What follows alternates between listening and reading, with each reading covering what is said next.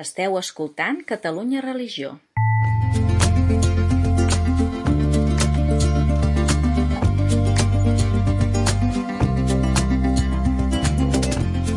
Converses en la frontera, un podcast de Gabriel Jaraba i Xavier Morlans.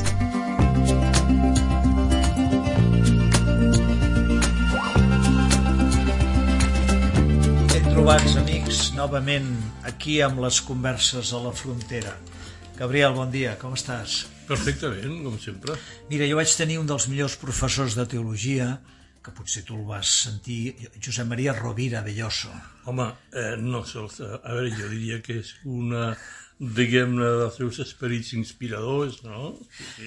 Era molt amic de la Margarita Riviera, que era aquella Ah, periodista, sí, periodista, companya nostra, aquella. que va ser la primera dona mm, moderna que va trepitjar la redacció d'un diari a Barcelona i no per fer, diguem-ne, crònica social, sinó crònica política. Precisament. I, i el, el mossèn Rovira era, diguem-ne, el seu mentor. Doncs mossèn Rovira deia que, de fet, citant un altre gran teòleg, Karl Barth, teòleg protestant dels anys 20, que la teologia s'ha de fer tenint amb una mà la Bíblia i a l'altra mà el diari. Exacte. Tu eh, reflexiones amb una mà la Bíblia i amb l'altra el diari? Home, jo com a periodista i com a cristià doncs intento fer-ho. Diria que a més a més i reflexiono eh, diguem, amb un mapa al davant eh, bueno. i, amb un, i amb un diccionari, no? Doncs, eh, Gabriel, ens ha pillat el toro, perquè de què parlen aquests dies les primeres portades dels diaris? Clar, de mapes i de, mapes i de, i de morts. I de, i de morts i de veritats i de mentides. De manera que fem, fem en nom del Pare, del Fill i de l'Esperit Sant i ens atrevim a parlar del conflicte d'Israel i Palestina. Sí, perquè realment cal encomanar-se al, al diví perquè estem davant d'una qüestió que, que quan nosaltres vam néixer ja estava vigent i continuarà doncs, després de que nosaltres haguem mort. A mi, a mi em sorprèn l'altre dia parlava jo no sé, a casa meva, a la meva família, sobre el mal, no?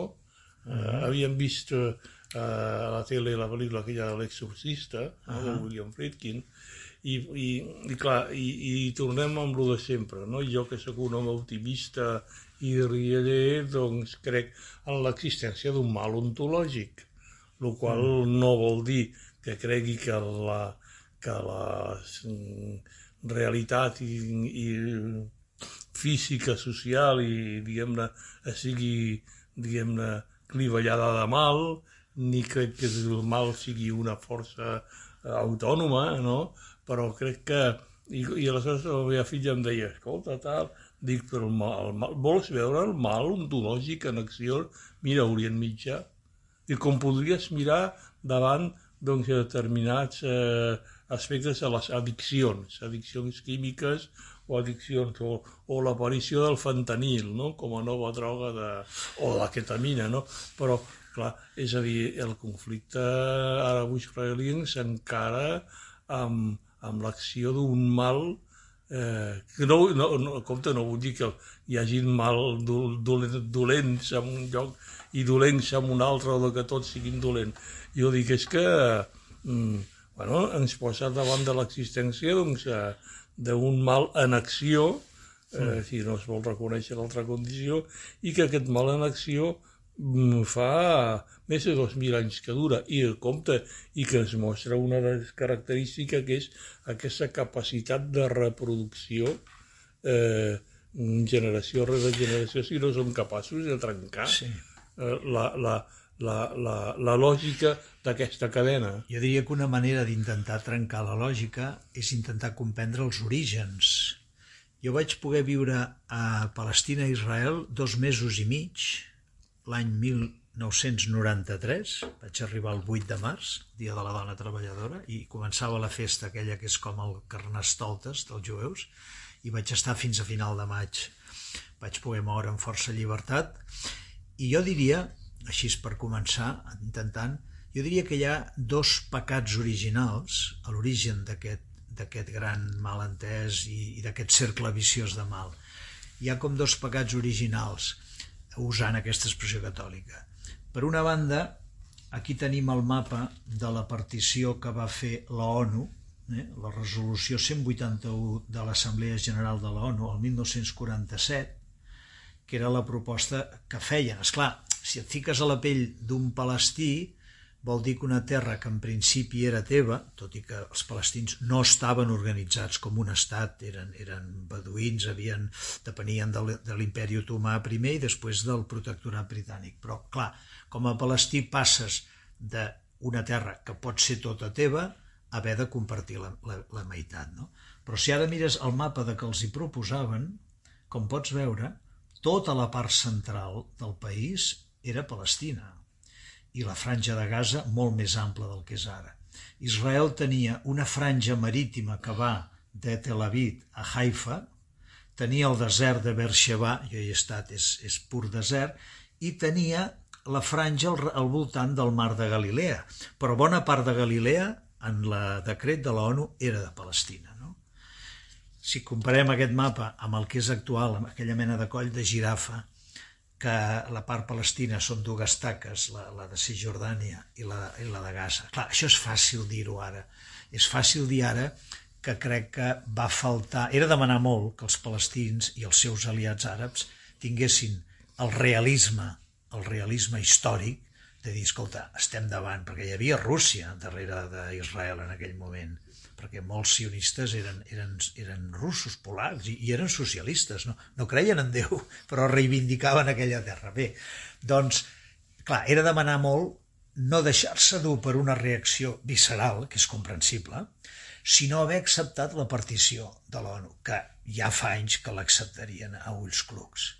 I el pecat original d'Israel és que, clar, Eh, per tant, els àrabs no accepten i s'hi tiren tots al damunt. L'any 48, tots els àrabs, que són milions, es tiren al damunt de 500.000 jueus, que això és el que un cert romanticisme de la pel·lícula Èxode fa que, si no estàs molt informat, totes les simpaties se't vagin i, i té un valor, no?, de mig milió de jueus organitzats a l'occidental, amb armament i amb, i amb concepció militar, van resistir tots els fronts. I no només això, sinó que van conquerir més terreny. Van conquerir més terreny.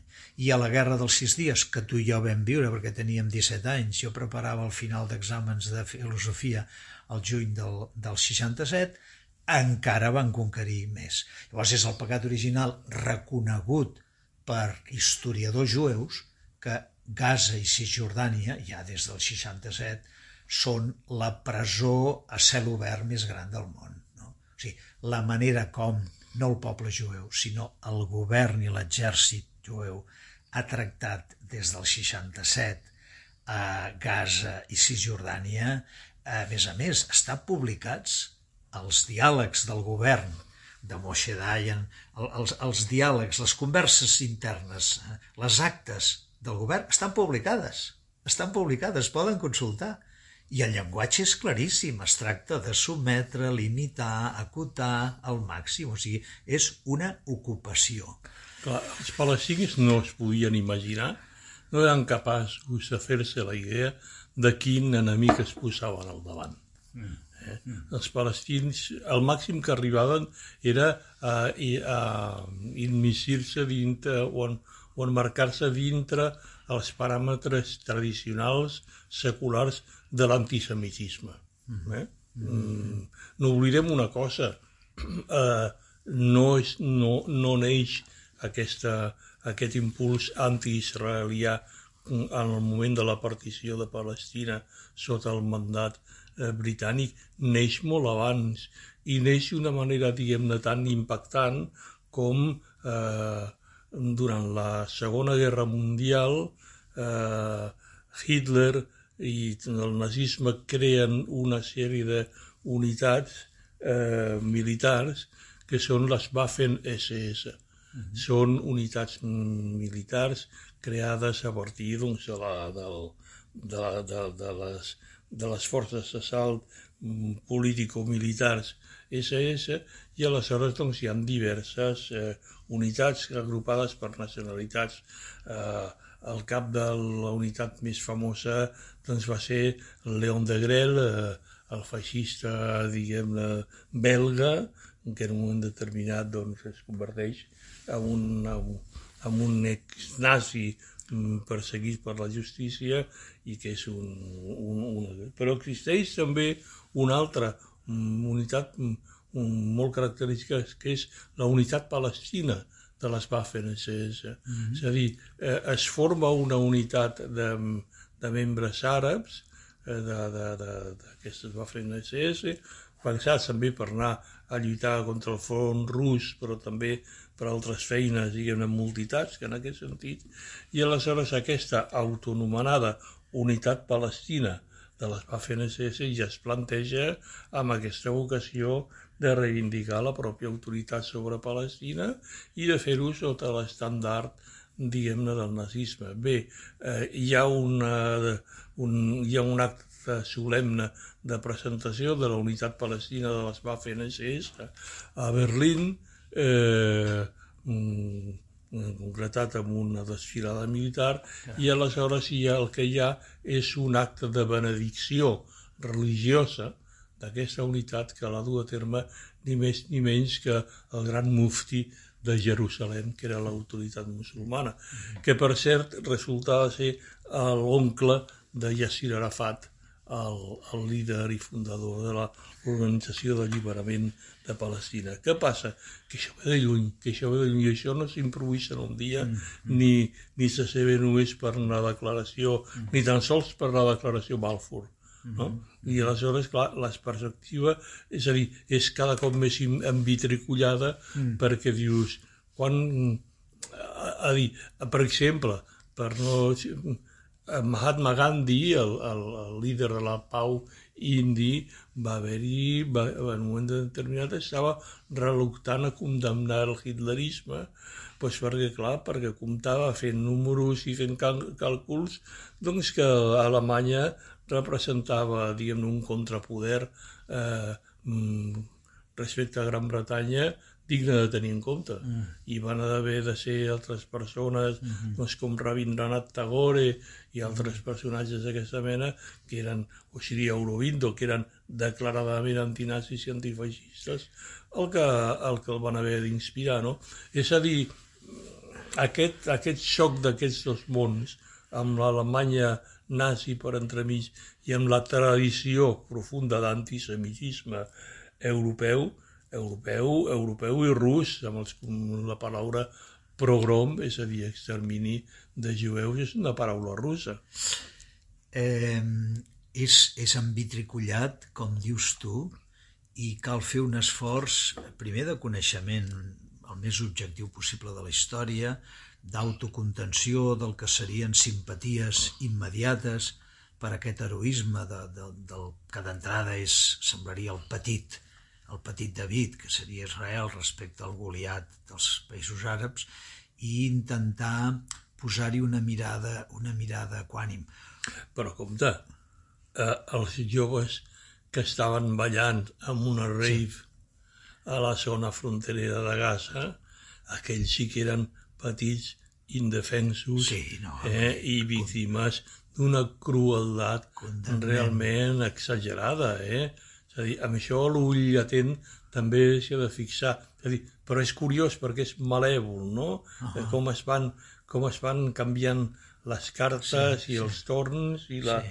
i els papers i els rols. Sí. I hi ha una pregunta, és a dir, representen a, eh, els islamistes de Hamas eh, al poble de, de Gaza? Mm. És una pregunta legítima, perquè, clar, és sobre aquest poble que ells exerceixen la seva autoritat, perquè són l'autoritat de la zona, però bé, les relacions entre vot, vot popular, vot universal, eh, democràcia, mm -hmm. és a dir, assentiment mm. implícit, mm. Eh, clar, és, és complicat. És sí, sí, vaja, condemnem, condemnem sense pal·liatius l'atac del 6 d'octubre, eh, les morts de noies soldats que van ser violades i cremades, els nadons que van ser assassinats, això, això va per davant. Ara també hem de, hem de reprovar i condemnar aquest bombardeig constant que, que no ha parat fins al dia d'avui de Gaza per part de l'exèrcit israelià eh, amb la quantitat de morts, ja, ja van per 5.000 morts així, i infants, i aquests hospitals sense electricitat, bé, això és, no, no ho justifica que, que Hamas cometés aquells assassinats, no? S'ha de mantenir un mínim de proporcionalitat. Sí, ho diu la reina Rània de Jordània, que sí. no és precisament sí. una islamista, una islamista extremista, ni tan sols un personatge religiós, no ho és pas. Eh, és a dir, allò que fan, allò que fan els uns està ben fet perquè ho fan els uns i quan ho fan els altres mm. està mal fet. Aquest desequilibri i aquesta desproporció és justa i ens portaria amb una valoració relativista d'aquesta qüestió, mm, mm. clar, vull dir, jo d'una persona com Rània de Jordània, Rània de Jordània m'enfio. Mm, I que d'altra banda tu dius, eh, ara vindria un cínic allò i diria, bueno, doncs vostès, els jordans, per què no acullen eh, els palestins sense llar al seu estat, que vostès sí que tenen un estat, com també hi ha qui diuen això dels dos estats, l'estat jueu i l'estat àrab, ja es va donar, i aquest estat àrab és Jordània. Què fan vostès, no? Sí. Clar, aquí hi ha molt cinisme polític, però el que és curiós és que en la matança del setembre negre, per exemple, dius, és com a producte doncs, d'una, diguem-ne, d'una in, in, in, interiorització de palestins refugiats militants de la seva causa que van intentar doncs, emparar-se eh, diguem-ne tot d'una del propi estat democràtic jordà, no? Recorda'ns que, va ser, que va ser el setembre negre. Sí, el setembre negre, a veure, estic citant de, de memòria, eh, eh, el setembre negre va ser el mes de setembre on, on eh, si no ho dic malament, si no corregeix-me o, o afegeixo, van haver-hi van haver-hi una, un, un degoteig, diguem-ne, de presència de mm, membres de l'Organització d'Alliberament de Palestina i d'altres i d'altres organitzacions eh, palestines. palestines, com Front, Front, Front Popular d'Alliberament de, de Palestina, Front Popular Democràtic, etc., que en un moment determinat doncs, se'ls hi va anar la mà i van mossegar la mà de qui els donava de menjar, no? I van creure que pel fet de ser un estat democràtic a l'estat de Jordània, doncs, mm, era un estat feble i aleshores doncs, van intentar emparar-se del poder. El rei Hussein doncs, va reaccionar eh, amb molta energia, amb tanta energia que es va produir un veritable extermini als camps de refugiats palestins a càrrec no ja, diguem-ne, de, de, d'Israel, sinó a canvi d'una mateixa força àrab, com va passar doncs, a la matança de Sabra i Xatila al Líban amb un altre... Aquí van ser els jueus. Aquí van ser els jueus. Cal, cal entendre que des del moment que hi ha la guerra, de l'any 48, molts palestins, foragitats per l'èxit militar d'Israel, es van refugiar a Jordània, no sé si van arribar a haver-hi dos milions de palestins refugiats a Jordània, no ho sabria. No sabria I es van refugiar també al Líban, que, encara, que és on hi ha aquests camps de, de refugiats que encara hi viuen, no? I n'hi han que es van anar a refugiar a Gaza. O sigui, aquests dies sortia a la ràdio hi havia testimonis, talls de veu de dir oh, és que els meus avis ja van venir aquí fugint i tota la vida nosaltres estem aquí perquè nosaltres som de Galilea, no? Aleshores, la complexitat històrica, ser conscients de les diverses forces que hi ha. Estaríem d'acord, Gabriel, que la solució són dos estats? Sí, eh, el que passa és que en aquest moment eh, és curiós perquè, diguem, mirant els mapes, eh, si haguessin acceptat la partició de Palestina el 1948, d'altra manera s'hagués anat, no? I un mira i dius, bueno, però que avui dia encara hi ha gent, diguem-ne, del bàndol palestí que no està disposada a passar per la declaració d'Oslo, a on és una reformulació mm. de, de la teoria dels dos estats i que mm. personatges tant com Shlomo Benami, exambaixador d'Israel a Espanya, com Javier Solana, mm -hmm. com un capdavanter de la política exterior de la Unió Europea durant els anys 90, coincideixen amb el mateix, que l'única solució passa per dos estats.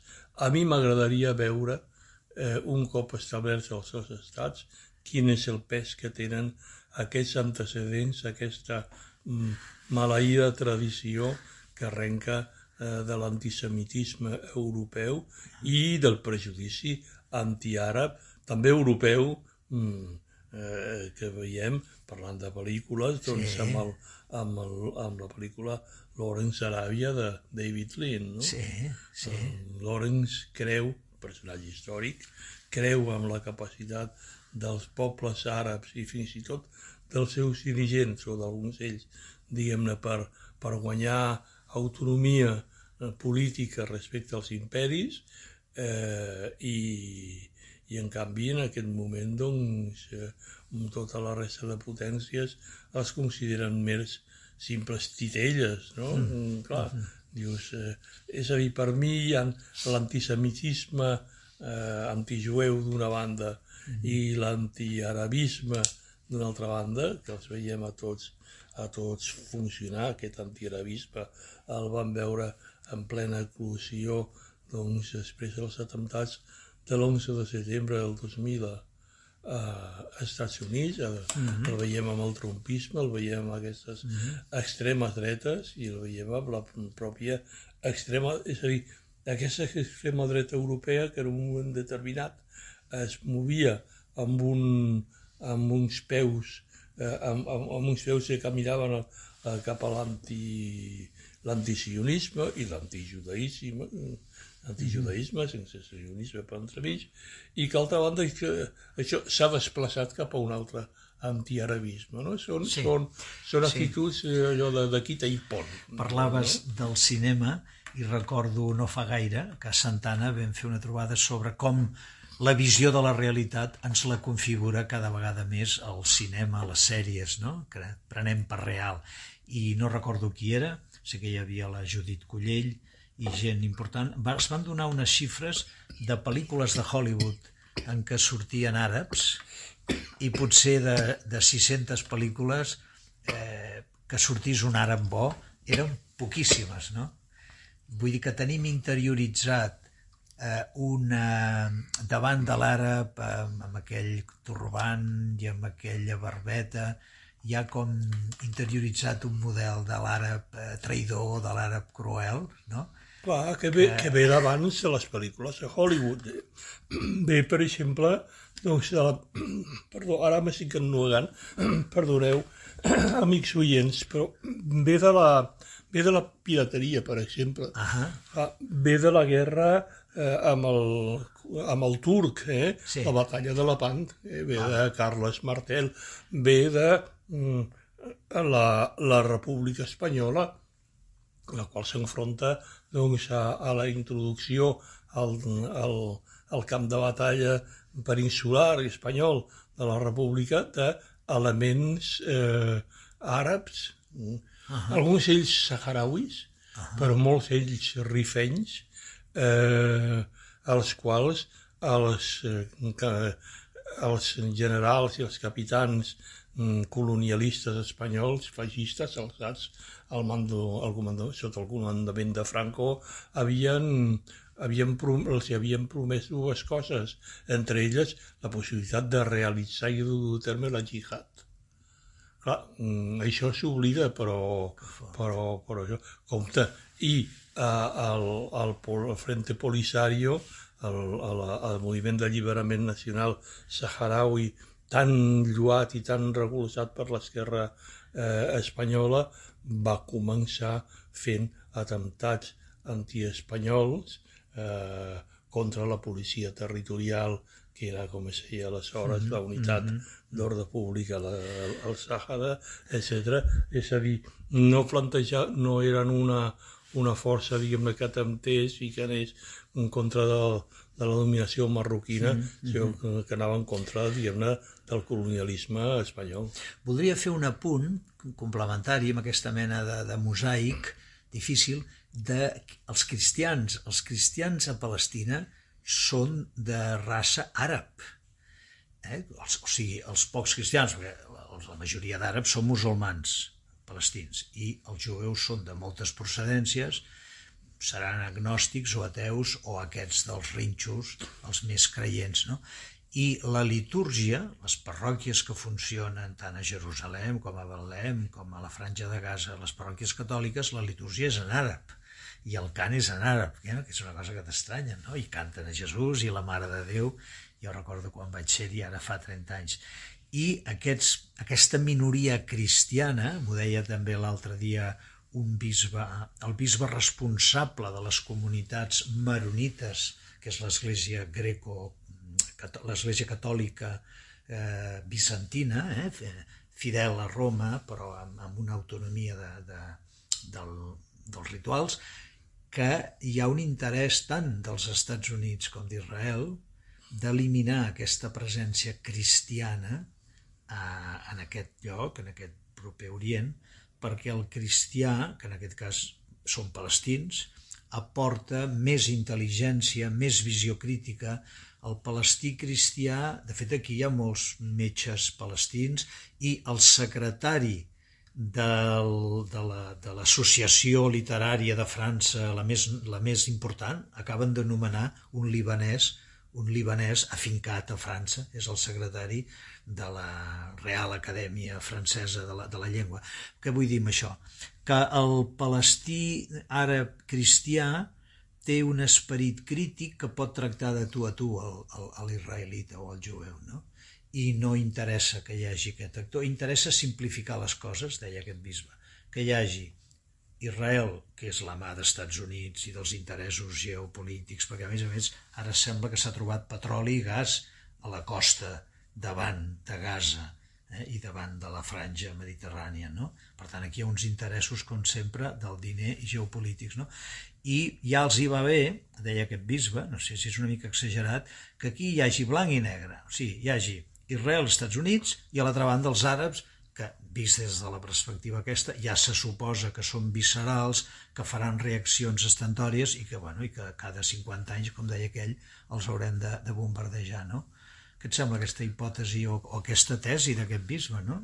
La tesi sembla així, a primer cop d'ull, correcta, però parteix d'una suposició mm, que no sé jo, eh, que és que els, els pobles àrabs no són raonables, eh, són viscerals, etc. el que es diu el carrer àrab, per dir sí. aquesta situació, sí. diguem de dispauxa. Sí, sí. A, a la qual um, hi ha motius com per, el, el, per pensar com algú, caram, els eh, pobles àrabs, aquest carrer àrab va tenir l'oportunitat de fer uns petits moviments de masses prodemocràtics, eh? A l'inici dels anys 2000 va poder haver-hi... Les primaveres àrabs. Les primaveres àrabs, se'n deien, i això s'ha anat en orris i no res. Clar, en, en què quedem? M'explico? Sí. Mm, clar, quan als pobles àrabs hi ha una intel·lectualitat no només libanesa, i no només Palestina, sinó hi ha una intel·lectualitat àrab en general molt ben formada, molt ben articulada. Eh, per exemple, als anys, eh, això que dèiem de la guerra dels set dies, eh, als anys 67-68, eh, mm, els grans líders palestins eren no només Yassir Arafat com a cap de l'Organització d'Alliberament de Palestina, sinó personatges com George Habash, eh, membre eh, dirigent del partit eh, Front Popular de l'Alliberament de democràtic de Palestina, un grup, diguem-ne, d'extrema de, esquerra, no? -huh. I, I darrere de George Habash hi havia, eren, eren personatges eh, famosíssims, conegudíssims i molt influents a tota la intel·lectualitat mm, europea, precisament. Uh, Gabriel, ens hem posat en un tema difícil, hem intentat posar-hi llum, sobretot refent la història dels orígens, mirant de tant trencar mites com aquest, no? de, de, de la imatge de l'àrab visceral i que aquests estereotips no funcionen, seguirem molt atents perquè, és clar estem amb l'ai al cor no? de si, si Israel entra en Gaza, si és que l'Iran eh, intervindrà d'una forma més directa. Mm -hmm. I, I si és que anirem donant força amb allò que el papa Francesc diu la tercera guerra mundial ja la tenim, Ja la tenim. que no és una guerra mundial però sí a un matís i, i és un matís empipador una guerra global. En qualsevol cas, amics i amigues que ens escolteu, creiem que és bo estar informat, tenir una visió, mm, evitar un decantament per una banda i l'altra, sinó reconèixer els errors i les qualitats i abogar, treballar, crear consciència, pregar també, com a creients, creiem en l'eficàcia de la pregària, que toqui els cors dels dirigents i que tant de bo la cosa es pugui arribar a tractar-la en diàleg. És el nostre desig. Mm -hmm. El de tots dos. En la frontera. En la, fr- a quina, I quina frontera? I quina frontera, per I quina deia. frontera tan explosiva. Tant de bo no peti més del que hi ha votat. Fins la propera.